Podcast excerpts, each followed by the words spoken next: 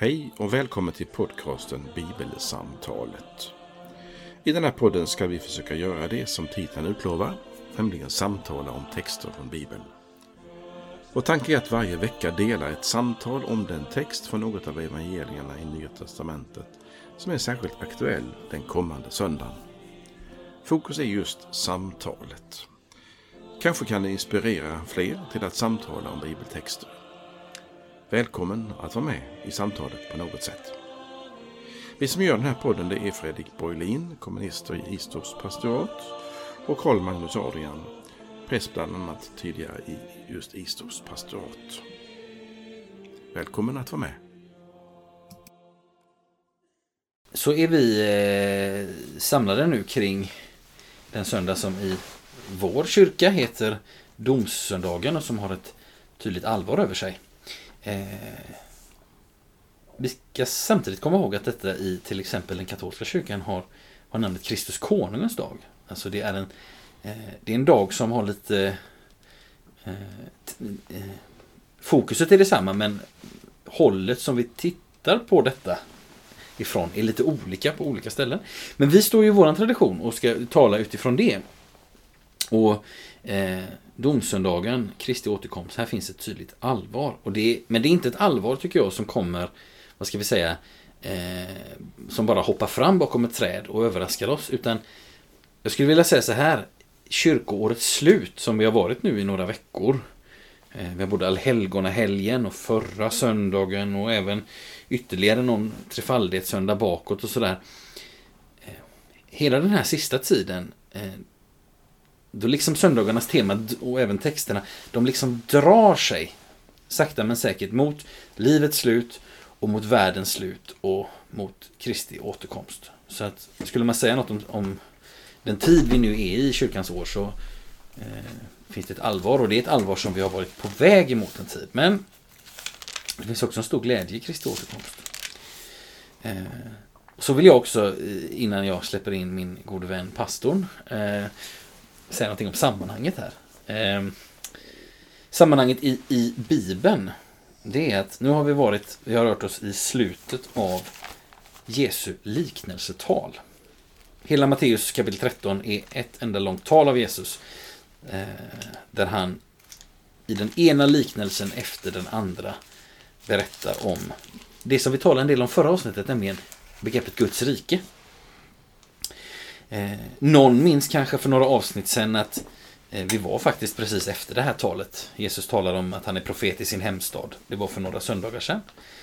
Eh, vi är i mitten av Matteus, vi är i slutet av hans liknelsetal. Och han talar om den här världens slut som ett, som, skulle man kunna säga, upplösningen på ett fiskafänge. Nätet har dragits upp, fiskarna ska sorteras. Har du någon eh, tråd som du vill dra igång med direkt Karl Magnus? Ja, jag, skulle, jag... jag skulle vilja eh, ha det här avsnittet till att jag ställer frågor Ja. till kommunisten Ja. i Istorps pastorat. Mm. Eh, jag är lite nyfiken på en del saker som jag inte själv... Jag, vet inte, jag, jag, jag tänker lite fritt kring dem, men Mm. jag ska börja med en fråga först som, eh, som du läste. Mm. Det står så här i texten alltså. Med himmelriket är det också som när man lägger ut ett nät i sjön och får fisk av alla slag i det. Mm. Bara den meningen. Mm. Då tänker jag så här. Nu talar Jesus om himmelriket. Och det gör han ju ganska ofta i Matteus. Mm. Och det är ju omskrivning, som Ja. du sa. Det vill säga, det är, man talar inte direkt om Gud eller Guds namnet för det har en viss helighets, en stor helighetsprägel kring sig. Mm. Utan man säger himmelriket. Eh, Och då tänkte jag så här. Och nu kommer det en massa frågor. Är himmelriket synonymt med Guds rike? Min första eh, spaning. Och i så fall, är det så med Guds rike att man lägger ut nät? För det handlar ju om nätfiske här, som Mm. ju är väldigt, som verkligen handlar om något, inte något modernt ord nu från internet, utan det handlar om att man genom nät fångar fiskar. Mm. Och människor, det är ju, det är ju fiskarna här, det är ju Mm. ett bildspråk. Mm. Så vi är fiskar och eh, Guds Gud lägger ut ett nät och fiskar upp oss. Mm. Eh, så har jag väl förstått det rätt. Mm. Fråga lille Karl Magnus till den store prästen här mitt emot mig. Ungefär. Det, det är rätt förstått va? Ja. Ja. Det tycker jag också nämligen. Ja, ja, Till det förstått, ja. Med himmelriket. Men när det, när det handlar om himmelriket så, så eh, skulle jag vilja säga Ja men jag skulle nog vilja för enkelhetens skull just nu säga att när det står så så handlar det om Gud. Alltså med Gud är det så. Mm. Att han är, som Jesus säger, egentligen den store människofiskaren. Mm. När han kallar lärjungar så kallar han ju dem för människofiskare. Mm. De som var de som fiskade vanlig firre, fiske Mm. i Genesarets sjö. Mm. De är nu upphöjda, eller deras uppdrag är förändrat något, som ska fiska människor. Mm. Och då är det så att med Gud är det så som när man lägger ut nät i sjön för att få fiska i alla slag. Eh, tycker du att det, jag har rätt förstått rätt den första meningen? Att synonym till himmel för att förstå den här texten, det vet jag, det handlar om Jesus eller Gud. Mm. Ja, helt enkelt. Mm. Med Gud är det så att han fiskar människor. Mm. Med Jesus är det så att han har kommit för att kalla människor. Mm. Med lärjungar är det så att han har kommit för att kalla människor. Med Mm. kyrkan är det så att han, den finns för att kalla människor. Mm. Tänker du så på det konkret? Eh, ja, det, jag protesterar inte mot det du säger. Men, Eh, ska jag säga varför jag ställer frågan? Eller, Ja, det kan du göra. Ja, ja. Eh, Jag tänk, tycker ibland när jag läser Bibeln, som jag gör också med människor som inte är vana i kyrkan, så jag, har jag lite respekt för att det är för mycket ord som inte begrips. Mm. Och kan, man kan liksom flumma till det och Mm. förutsätta att ungefär, det borde du veta, du som Mm. har gått i kyrkan. Mm. Men så kan man inte säga till människor. nej.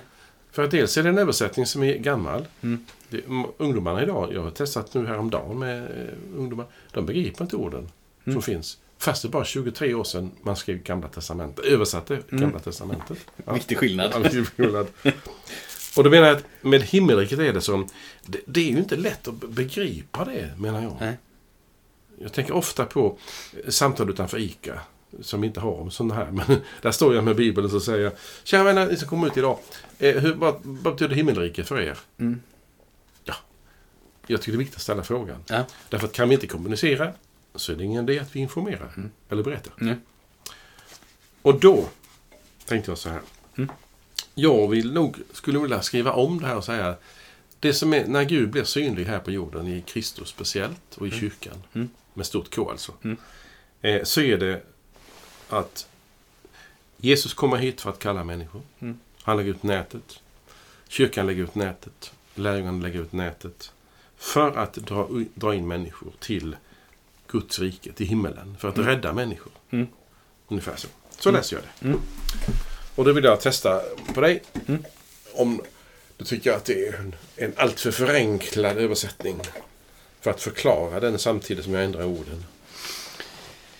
Om jag förstår det rätt nu. Eh, eh, Matteus använder begreppet himmelriket. För han vill inte skriva ut Guds rike. Han vill inte liksom använda Guds namn av respekt för heligheten som ligger där. Eh, eh, och det, det kan vi känna igen från andra ställen. Till exempel den förlorade sonen förbereder sitt tal. Och så säger han, jag har syndat mot himmelen och mot dig. Säger han, ska han säga till sin pappa. Mm. Det är ju också ett sätt att, att, att liksom undvika att säga jag har syndat mot Gud och mot dig. Alltså, man tar Ja, inte Guds namn i sin, i sin mun så att Nej, säga. nej, nej. Och, och eftersom vi då kan bejaka att Matteus använder begreppet himmelriket för han vill inte skriva ut Gud. Nej. Men Markus kan till exempel säga Guds rike. Eh, och, och tala om det. Eller Mm. Lukas också för en del. Guds rike inom er som vi Mm. hörde förra veckan. Mm. Eh, och i Guds rike, vem är det som agerar där? Jo, det är Gud själv. Ja. Och nu använder Matteus en omskrivning. Ja. Eh, när han talar med himmelriket. Mm. Det, är ingen, det är ingen himmelsk ledningsgrupp. Nej, med, just med, det. med, Nej, med, nej. med, med 500 personer. Nej. Utan det är, en, det är Gud som är, eh, är den. Och, och, och så. Är det ett, var det ett svar på din fråga? Eller?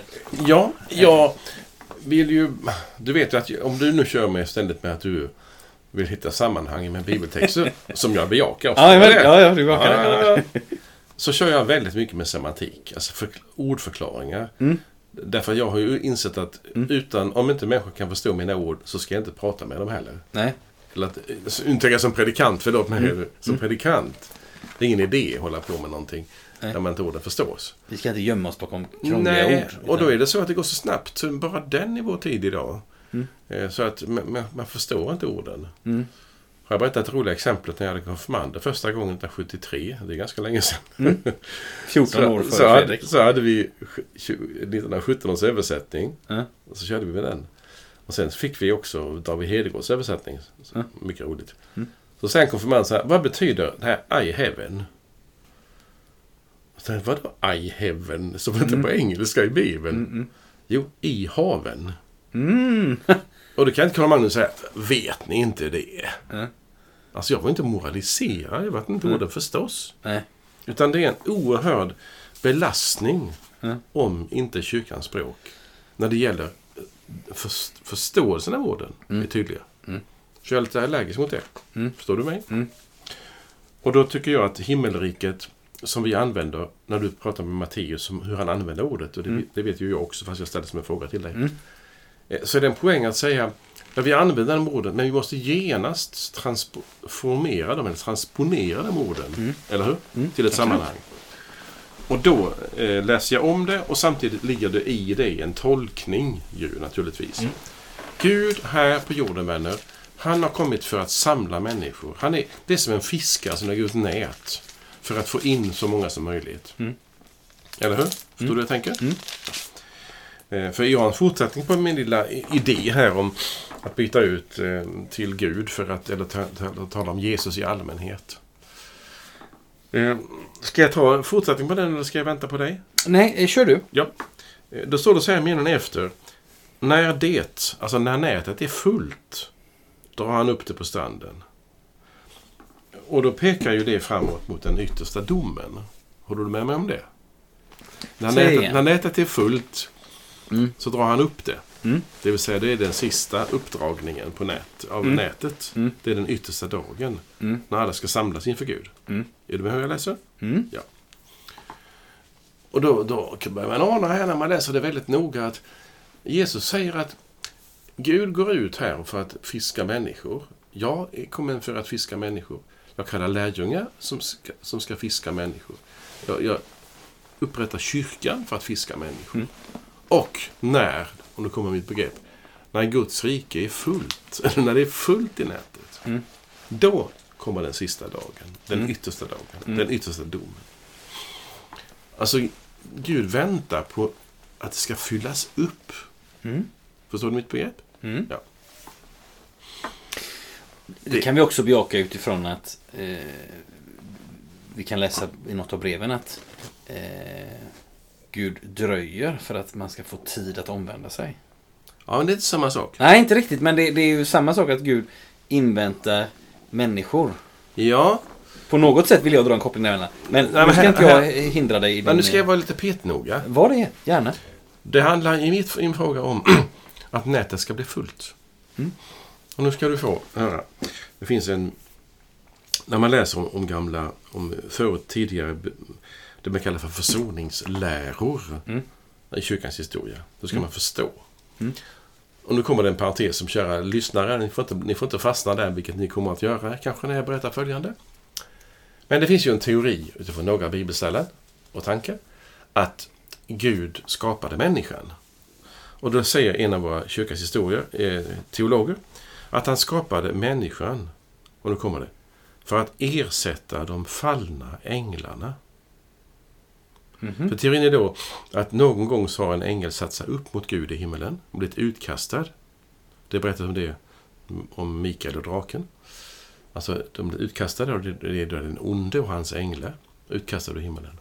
Och så ställer den här teologen en fråga.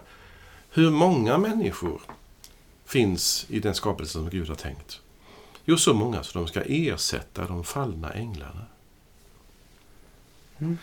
I denna teorin, som jag inte omfattar, Nej, men jag vill bara berätta det, för det Ja. finns med underförstått, underförstått ibland. Mm. Så, ska, liksom, så ska det finnas så många människor så att det blir fullt. Mm. Och nu tänker jag på ett, på ett enkel, enkel bild. Tänk dig nu himmelen som en, som en plats, en lokal, ett rum. Ett rum.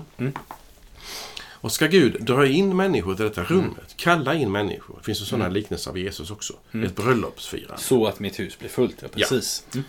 Och det är det som Jesus antyder här. Mm. Det vill säga, det fiskas människor så att det blir fullt. Mm. Gud har en, liksom en plan med den himmel, eller den, den nya skapelsen som förbereds. Mm. Gud ska ju komma, när Jesus kommer tillbaka så ska ju den nya skapelsen ta form. Mm. Så att det som är skapat här, även om det ska renoveras eller repareras, eh, så människan ska ju dö, så ska det ske en ny skapelse. Och då ska allt liv få, få tillbaka sin förlorade härlighet. Mm. Allt skapat ska få tillbaka sin skönhet på något vis. Det finns ju om det hos, i Romarbrevet 8 till exempel. Mm. Och då är det ju en tanke att det ska bli fullt. Alltså bröllopsfesten ska börja när salen är full. Det är intressant att Jesus använder de orden här. Mm. När det är fullt drar man upp det på stranden. Mm. Och så säger han, så ska det bli vid världens slut. Mm. Änglar ska ut och skilja de onda från de rättfärdiga. Det vill säga, det ska ske ett skiljande så att det blir fullt i himmelen av, nu tar jag mitt begrepp, Mm. förlåtna syndare. Mm. Alltså människor som på något vis har, har blivit, fått del av försoningen eller tagit Mm. del av den Mm. eller sagt ja till försoningen. Jag vet inte exakt hur man ska ut, förklara det. Mm. Jag vill hålla det öppet för att inte hamna i en viss konfessionstolkning. Men på något sätt så är det ju så, så ska människo, män, människosläktet räddas Mm. till det eviga livet. Är du med? Mm. Tänker du då i sådana kategorier som Jesus säger här nu? Det vill säga att det ska bli fullt. När då den sista liksom har kommit in. Tjoff! Nu Mm. kommer Jesus tillbaka. Mm. Så det är en väntan. För det finns en antydan om detta i Matteus 24.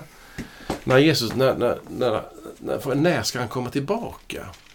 Jo, så står det "Re- budskapet om Guds rike ska nå ut he, över hela världen.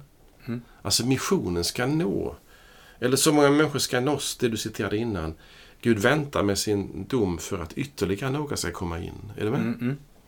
Att det är liksom någon sorts fullhet som ska, man ska nå upp till en viss fullhet och sen är det slut. Ja. Visst, visst kan det tyda, tolkas så? Ja, Texten idag. eh, jag tycker att det är int- jag, eh, jag håller med om att det kan tolkas så. Eh, och eh, jag skulle vilja, jag skulle vilja, jag skulle vilja både backa bandet och prata om det som du precis sa. Det tackar jag för. Eh. Att du vill backa bandet också. Eh, och då skulle jag vilja säga så här. Du sa så här, apropå det här med att förstå ord. Så skulle jag bara vilja läsa en vers ifrån samma kapitel som vi är i nu. Mm.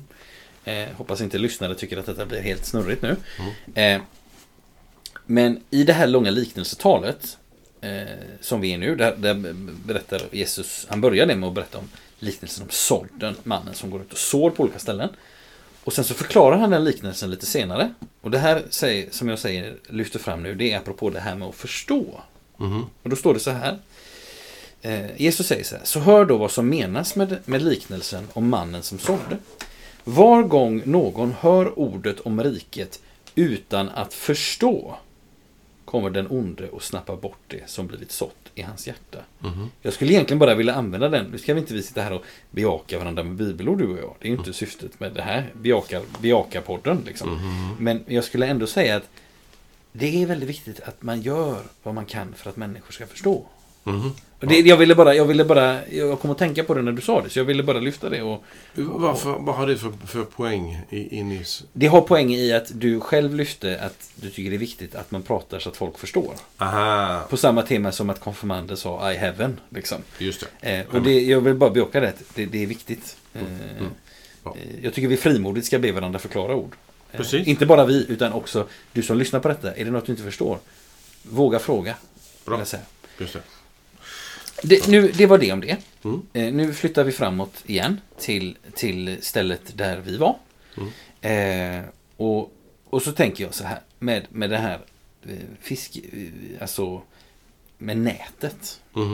Eh, så tänker vi på en fiskebåt som tuckar här längs västkusten. Mhm. Och, och, och, och de, eh, när deras nät är fullt Mm. så drar de upp det, åker in till vilken hamn de nu ligger vid. Mm. Dyrön eller Koster eller vad det nu kan vara. Mm. Eh, och så börjar de ju sortera fisken. Och, sådär. och då förstår vi eh, när jag beskriver den här bilden nu, att det finns fiskar kvar i sjön. I världshavet Mm. så finns det fortfarande fiskar kvar. Mm. Eh, men jag tänker när jag läser detta att eh, nätet har blivit fullt och då finns det ingen mer fisk i sjön. Aha. I Jesu liknelse, det vill säga ehm, eh, för det är klart att vid alla andra fiskafängen eh, som kan ha gått bra eller dåligt eh, om vi har varit och fiskat någon gång. Jag är ingen fiskare men eh, så kan det ha gått bra eller dåligt. Eh, sillen har gått till och så vidare. Och och en, en fiskare är säkert lycklig och tacksam och glad om hans nät och hans båt blir full. Men ingen fiskare har någonsin sagt att jag fick så mycket fisk så fisken tog slut i sjön. Eller fisken tog slut i haven. Mm. Men jag uppfattar det som att det ligger i att det ligger i Jesu bild här på något sätt. Mm-mm. Att så att säga i den här sjön i Jesu liknelse så är sjön nu tom. Alla fiskar är med i nätet. Ja, Ja, jag håller med dig om det. Därför att om, man, om det inte vore så som du säger Mm. så skulle man läsa texten så här. Mm. Eh, man lägger ut eh, nät i sjön och så drar man upp de fina fiskarna. Mm. Och de fula stannar kvar. Mm. Så är det inte. Nej. Utan alla ska upp och sen kommer rensningen. Mm. Och det är väl det som har bäring med tanke på att texten finns med på det här temat idag. Mm. Med domen och, Mm. och Jesu återkomst. Det vill säga, det, det ska ske ett skiljande. Mm. Och det, är- det är då intressanta ordet som jag strax ska ställa en Ja. fråga till dig om Mm. också. Kul att ställa frågor tycker jag. Ja.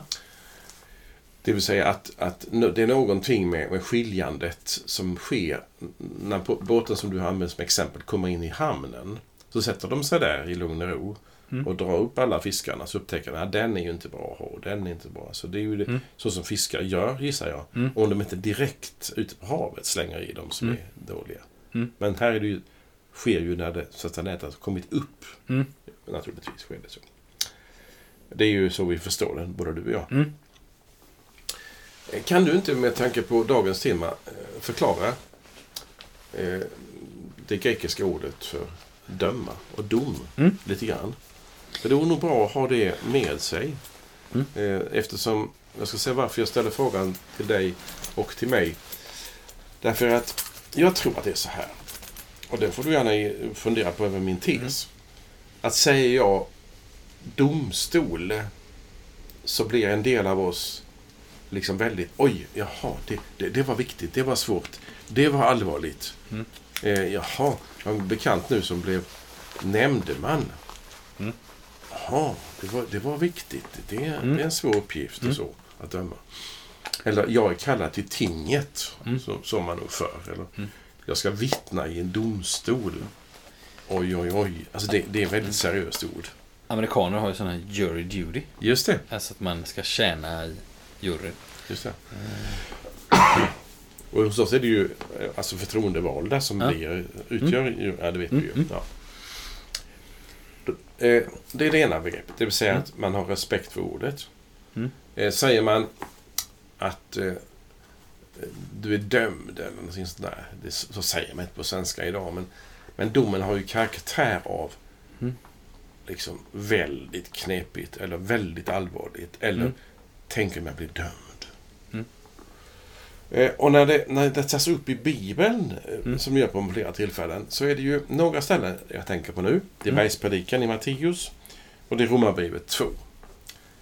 Där är det väldigt tydligt när Jesus och sen Paulus tar upp det, säger ungefär så här på vanlig svenska. Det är förbjudet för en människa att döma en annan människa. Mm. Det är otro, ska säga, otroligt förbjudet. Mm. Därför att om du dömer någon så blir du själv dömd. Mm. Eh, alltså det är väldigt, jag säger återigen, det är väldigt förbjudet att döma en annan Mm. människa. Eh, och då tänker man, ja, nej men det gör jag ju inte. Jag har ju bara lite synpunkter. Mm. Så när jag ser dig så tycker jag illa om dig. Ungefär. Ja. Ah, men se. Nu är du nära det där med att du kategoriserar människor och dömer människor. Ja, men jag dömer ingen. Jag bara bedömer. Som Mm. jag tycker bättre om Mm. fläskfärs än lutfisk. Mm. Men jag bara bedömer. Ja, ja, ja, du kan skydda dig med, bakom det en stund. Mm. Men du har en dömande attityd kanske, eller jag Mm. har kanske det. Mm. Så att säga, ja, jag tror att vi har en dömande attityd. Mm. Det är min lilla tes Mm. Som jag testar nu. Mm. Och när den tar form och blir ännu mer levande än bara en, liksom en idé eller sådär, så blir man liksom lätt eh, kategoriserande. Man kategoriserar. Ja, du är sån och du är sån och du är sån. Och den typen gillar jag inte. Är ni med hur jag tänker? Mm. Det är någonting som finns hos oss människor. Ligger Mm. väldigt nära till hands. Och det är förbjudet. Mm. Därför att det är bara en som får döma. Mm. Och då tycker jag det vore kul att eh, gå tillbaka till min fråga till dig. Lite fyrkantiga svar. Det här med ordet dom på grekiska. Mm. Kan du inte ta lite grann om det? Eh, lite rätt upp och ner. Eh, jag vill minnas att det grekiska ordet för dom är krisis. Japp. Och det betyder dom och det betyder, men kan också översätta det med avskiljande. Det vill säga att man skiljer någonting från något annat. Det är ju precis det som sker i texten också. Den ena sortens fisk eh, skiljs från den andra sortens fisk. Eh, och det ligger, alltså man drar ett streck någonstans. Du menar ett vertikalstreck? Eh, Ja, det kan vara ett eh, vertikalt, det kan Okej. vara horisontellt. Okej.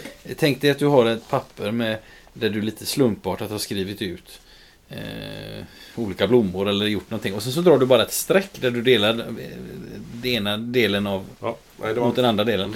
Så att säga. Och det är ju egentligen det vi gör när vi, för du talar ju om domen på det mänskliga planet. Jo. Och, och ehm, det är ju egentligen det vi gör, det vill säga vi avskiljer eller utskiljer eller särskiljer. Eh, den, är man sån så, hmm. eller eh, den får vara med men inte den, och så att säga. Mm. Eh, och jag tror att det är bra att vi bejakar det för att eh, när vi... När vi kan inte göra så menar du? Eh, Det menar du inte? nej, jag, jag menar att när, när, vi, när vi ägnar oss åt detta som, som du lyfter fram, att vi Mm. dömer människor Mm. så, så så kan vi ju tyckas som att ja, men vi bara bedömer. Men det, det, det Mm. finns en risk att vi i tanken då Nej, jag, jag skiljer bara bort gick, människor. så. på det därför att du sa att vi Mm. bejakar detta. Inte, döm, inte dömandet ju. Nej, nej, nej, nej. nej. Du, nej. Nej. Bara så att inte åhör- de som lyssnar tänker att du bejakar den typen av dömande. Nej, det gör jag inte. Nej, Nej, nej, det gör jag inte. Nej. Därför så- Eh, nej, förlåt mig om jag uttryckte något som kan tolkas åt det hållet. kunna tolka det så. Ja. Jag vet att du inte menar det. Nej, men tack för att du hjälper andra att upptäcka det också. Eh, nej, men där finns ju det, just det här av, av avskiljande. Eh, hjälper oss dels att se vad, vad händer vid domen. För det är precis det som beskrivs här. Mm. Det står inte att alla fiskarna i sjön får ett papper. Eh, där det liksom är resultatet av deras liv. Eh, eller de får ett omdöme. Utan viss fisk i den korgen och viss fisk i den andra korgen. Just det. Så säga. Ja, så står det. Eh, och, Mm. och vi då, när vi dömer och bedömer, vi människor, vilket jag alltså inte bejakar att man ska göra, och, och också försöker att avhålla mig från själv, men misslyckas. Eh, då placerar jag också fiskar i korgar. Och det är inte mitt mandat. Nej, får jag lägga till? Eller, Ja, får du göra. Välkommen. Alltså, jag funderar ibland på av vilken anledning Mm. det är så förbjudet att döma. Mm. Därför att om jag förstår det, menar jag, Mm. det är min tes, Mm. så kan jag också mer lättare förstå vad, det, vad, vad Guds dom innebär, Mm. som vi pratar om idag. Mm. Därför att om jag dömer människor, Mm. Grader av, av dom eller bedömning, Mm. men det jag sa innan, så betyder det att jag liksom menar att den är ju hopplös. Mm. Eller den är ju dum. Mm. Eller den är ju sned. Mm. Eller den är ju knäck. Mm. Alltså så? Mm. Och då ger jag upp på något vis. Medan Gud aldrig ger upp om en människa. Nej, det. Du är aldrig för syndig. Du är aldrig för ond Nej. för Guds rike. Det finns alltid en möjlighet att komma in, komma tillbaka. Det finns alltid en möjlighet att få vara del av Kristus, naturligtvis. Och därför menar jag att när, när vi förstår vad vi håller på med och att vi inte får döma, så tänker vi, vad är det Gud får göra och kommer att göra? Mm. Jo, han som är barmhärtig och rättvis och ser genom allt. Han kan bedöma Mm. på ett sätt som vi inte kan. Ja. Och vi förstår inte en människa. Vi kan inte, vi kan inte förstå vad som ligger bakom. Vi kan bara ta på det som vi har uppfattat. Mm. Och det räcker ju att säga att om, om du och jag till exempel skulle träffa fem människor bara i varsin minut, så skulle vi säkert ha, ursäkta uttrycket, olika bedömningar av de människorna. Mm. Eller hur? Absolut. Och då skulle man säga, vem har rätt av oss? Ja, det är subjektivt. Just det. Mm. Och därför får du inte döma dem. Mm. Eller den och den.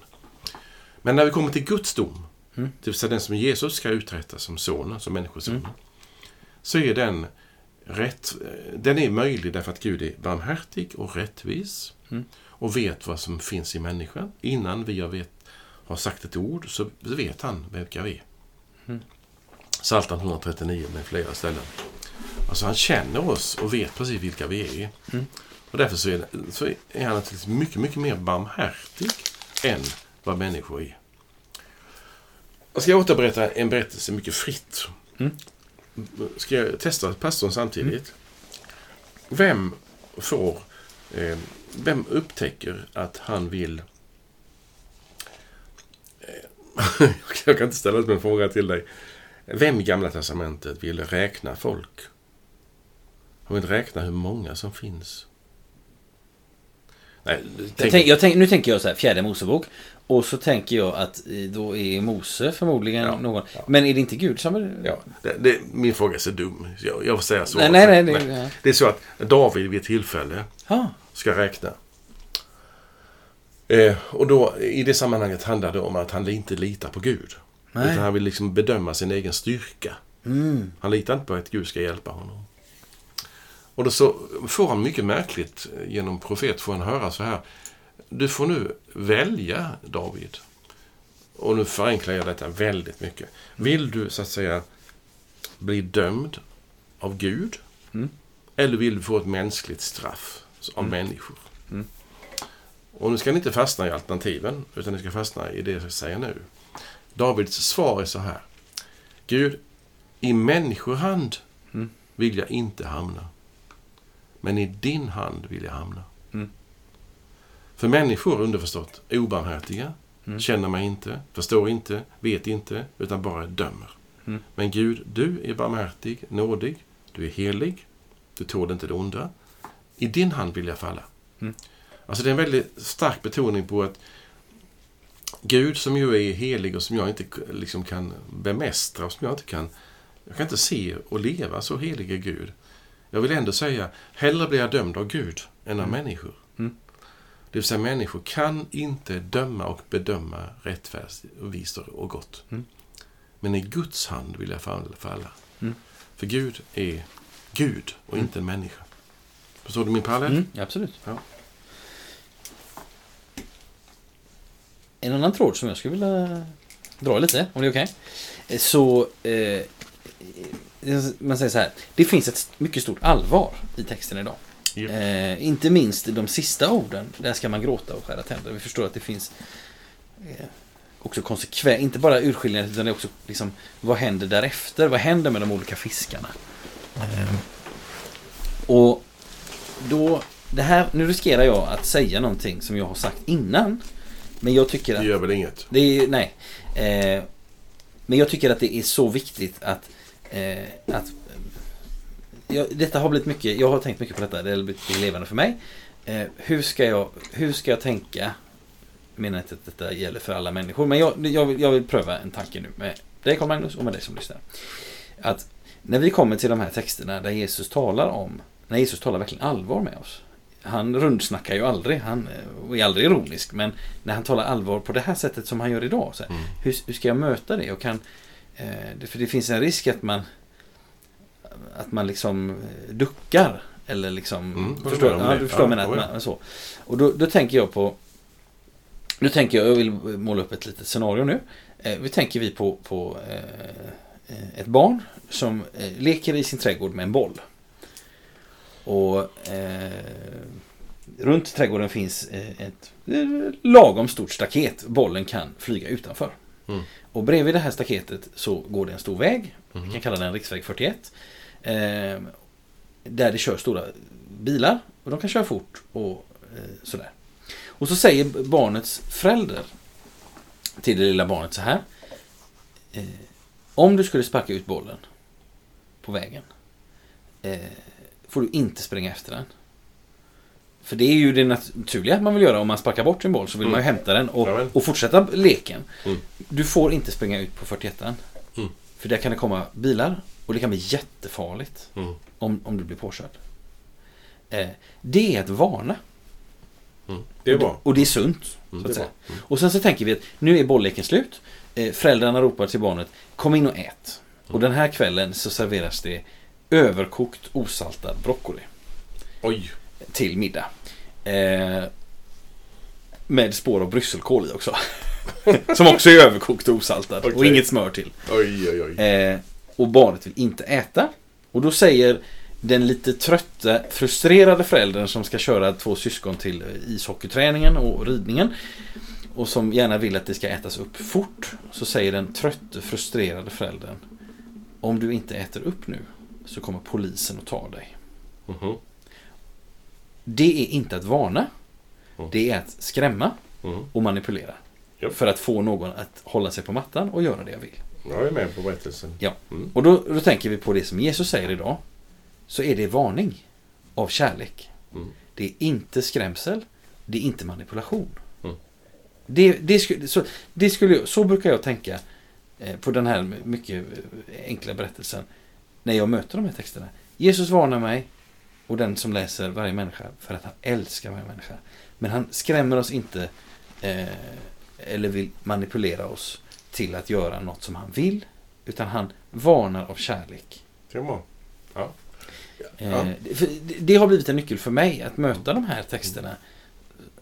Som man ibland kanske vill gå runt. Ja, bra. Det är bra. Mm. Och jag vill lägga till det, det Mm. i berättelsen att av vilken anledning eh, hotar han inte? Och då vill jag säga så här att om Gud skulle hota oss Mm. så kräver hotet ju att du gör någonting Mm. för att upphäva hotet. Mm. Alltså? Mm. Eh, Och i så fall så kan man säga att om, om, du, om du ska liksom prestera någonting Mm. för att komma undan hotet. Då är det som att säga att den som presterar bäst, den blir frälst. Mm. Den som presterar bra Ja. kommer till himlen när man dör. Ja. Och det går emot hela synen på frälsningen i Nya Testamentet. Mm. Där det är en gåva Mm. för Kristi skull. Mm. Att det kan inte vara en prestation. Nej. För om det är det så, tas, så, så, tas, ta- så kan man säga då behövs ju inte Jesus. Mm. Om du kan lägga av med din dumhet och därmed Mm. så att det klarar dig. Mm. Vad ska du ha en frälsare för? Mm. Så det kan inte vara det. Eh, jag vill förknippa detta, eh, för det passar väl bra in i din Mm. berättelse. Va? Mm. Det vill säga, han kan inte hota för att du ska skärpa till dig. Nej. Det är någonting annat du ska göra. Och då vill jag hänvisa till en annan text Ja. för denna söndag. Mm. Och det är, det är andra årgångens text från Johannes 5. Mm. Som finns i, också i evangelieboken. Och den går ut på följande. Eh, och, den, och till det eh, vill jag läsa en psalm i psalmboken. Och psalmen som jag alltid har när jag leder gudstjänst som präst på de här söndagarna. Det kan min god vän Fredrik inte ana för han har inte varit med någon, när jag predikat någon sån söndag. Nej. Det är 356. Ja. Och där ska jag läsa den femte versen. Mm. Döm mitt hjärta här i tiden, innan världen döms av dig. Och när tiden är förliden, i ditt domslut fria mig. Alltså, Gud, döm mig här Mm. och nu. Mm. För Jesus säger i Johannestexterna, eh, den som tror på mig ska inte komma under domen, Mm. utan ska övergå från döden till livet. Alltså den dom som väntar denna världen, Mm. som väl är skulle jag vilja tillägga, Mm. Den går ut nu. Mm. Och ett exempel på detta för mig det är när du upptäcker, nu talar jag till dig Fredrik, eller till mig själv, när du eller jag upptäcker att det finns en synd hos mig. Och det, är en- det, jag är så tacksam över att Gud påminner mig om den. Mm. Eh, och då säger han, men Siam, nu får du lägga fram den synden i, i din syndabekännelse. Och så får du ta emot förlåtelsen av Mm. mig. Och när jag lägger fram den synden i, i syndabekännelsen, då säger jag ju Gud, jag ångrar detta. Jag vill Mm. inte detta. Men jag lägger ju fram den därför att jag är dömd. Den synd jag begår eller har begått döms ju i mitt samvete på Mm. något vis. Gud dömer ju mig. Och då säger han att ja, här och nu får du ta del av syndernas förlåtelse. Och den som har fått del av syndernas förlåtelse, den blir ju frikänd i domen. Mm. Eller hur? Mm. Så det som vi gör nu här, det är en förberedelse inför den domen som är annorlunda för den som är med Jesus. Mm. Och därför tycker jag att 356, den sista versen, är så bra. Döm mitt hjärta här i tiden, innan världen döms av dig. Och då menar jag att om man då fått, som du sa inledningsvis också, vi pratade om det en bit, att det finns ju någonting i domen som är barmhärtigt. För äntligen ska det skipas rättvisa. Mm. Jag menar, har jag varit oförskämd mot dig och Gud säger till mig i mitt samvete, Karl Magnus, du ska göra upp med Fredrik. Så säger jag till Gud, tack. Eller hur? Mm. Men jag kan också säga, det struntar väl jag i, att jag är oförskämd mot Fredrik. Mm. Nej, men då kommer Gud och säger till mig, Mm. säger, tack för att du hjälper mig att rätta upp det som blev fel. Mm. Det alltså domen drabbar mig så att jag får säga förlåt. Jag kan inte prestera så till dig att jag tar, tar bort det onda jag gjorde. Men jag kan be dig om förlåtelse. Mm. Men du kan få komma ihåg den då. Mm. Men Gud förlåter synder och kommer inte ihåg dem mer. Mm. Därför är det någonting i det här med, med domen som pågår just här och nu. Mm. Så att den yttersta domen ska bli den stora glädjen. Mm. Att få se honom sådan han är och få säga tack Jesus att jag fått lära känna dig Mm. när jag levde. Och fick böja mina knä för dig medan jag levde. Mm. Och få ta emot din förlåtelse medan jag levde. Och få upptäcka att jag är en förlåten syndare. Mm. Det är den stora glädjen. Mm. Jesus säger också i slutet av Johannes 9 det här. Till en dom har jag kommit hit i världen. Alltså. Mm. Det är ju precis det vi ber om i den här 356 vers. Var det fem? Fem år. Ja. Eh, uppenbara nu för mig att jag behöver dig. Eh, innan du kommer tillbaka. Just det. Och då tror jag att, att när man upptäcker den här positiva domen så, så kommer man att säga det är ju för väl att alla människor som har blivit ska vi säga, misshandlade, förstörda, glömda, Mm. att de får upprättelse. Mm. Jag har en bild som jag, jag tror jag tagit en gång med dig, eller, eller kanske på en inspelning, vet jag inte. Men jag, det är en fantas, fantasibild naturligtvis. Det är när vi står i himmelen. Jo, det har jag sagt en gång inför. Du och jag.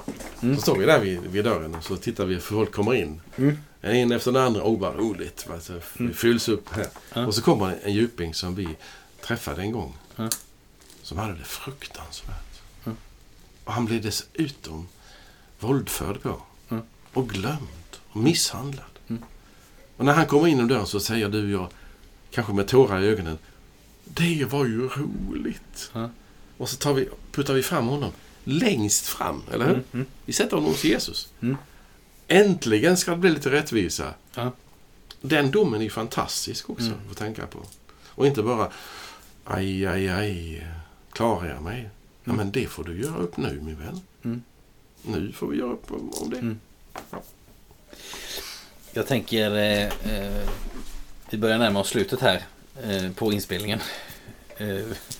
Var jag tvungen att lägga till. Eh, jag, vill bara, jag, vill, jag vill lyfta bara en, en sak i detta med att Jesus talar om först, alltså det här med liknelsen, att det är liksom Först ger Jesus bilden och så säger han att så är det med himmelriket. Och, så, Mhm. och så kommer det ibland förklaringar eller ordval som jag tycker vi ska vara uppmärksamma på. Och då står, då står det så här, alltså texten är så kort så jag kan faktiskt läsa hela en gång till för att belysa vad jag säger. Jesus sa, med himmelriket är det också som när man lägger ut ett nät i sjön och får fisk av alla slag i det. När det är fullt drar man upp det på stranden och sätter sig ner och samlar den goda fisken i korgar och kastar bort den dåliga. Nu är vi fortfarande i Jesu bildvärld. Det vill säga, så går det till när den och den fiskebåten går ut, Mhm. kommer in. Den här fisken kan vi äta, den här fisken kan vi sälja, den här fisken vill ingen ha. Mm. Den slänger bort, den är dålig. Mm. Så att säga. Och sen så, sen så skiftar ju Jesus perspektivet här. Så han så här, så ska det bli vid världens slut. Änglarna ska gå ut och skilja inte de onda från de goda, utan de onda från de rättfärdiga. Det är viktigt att vi håller koll på det. Och kasta dem i den brinnande ugnen.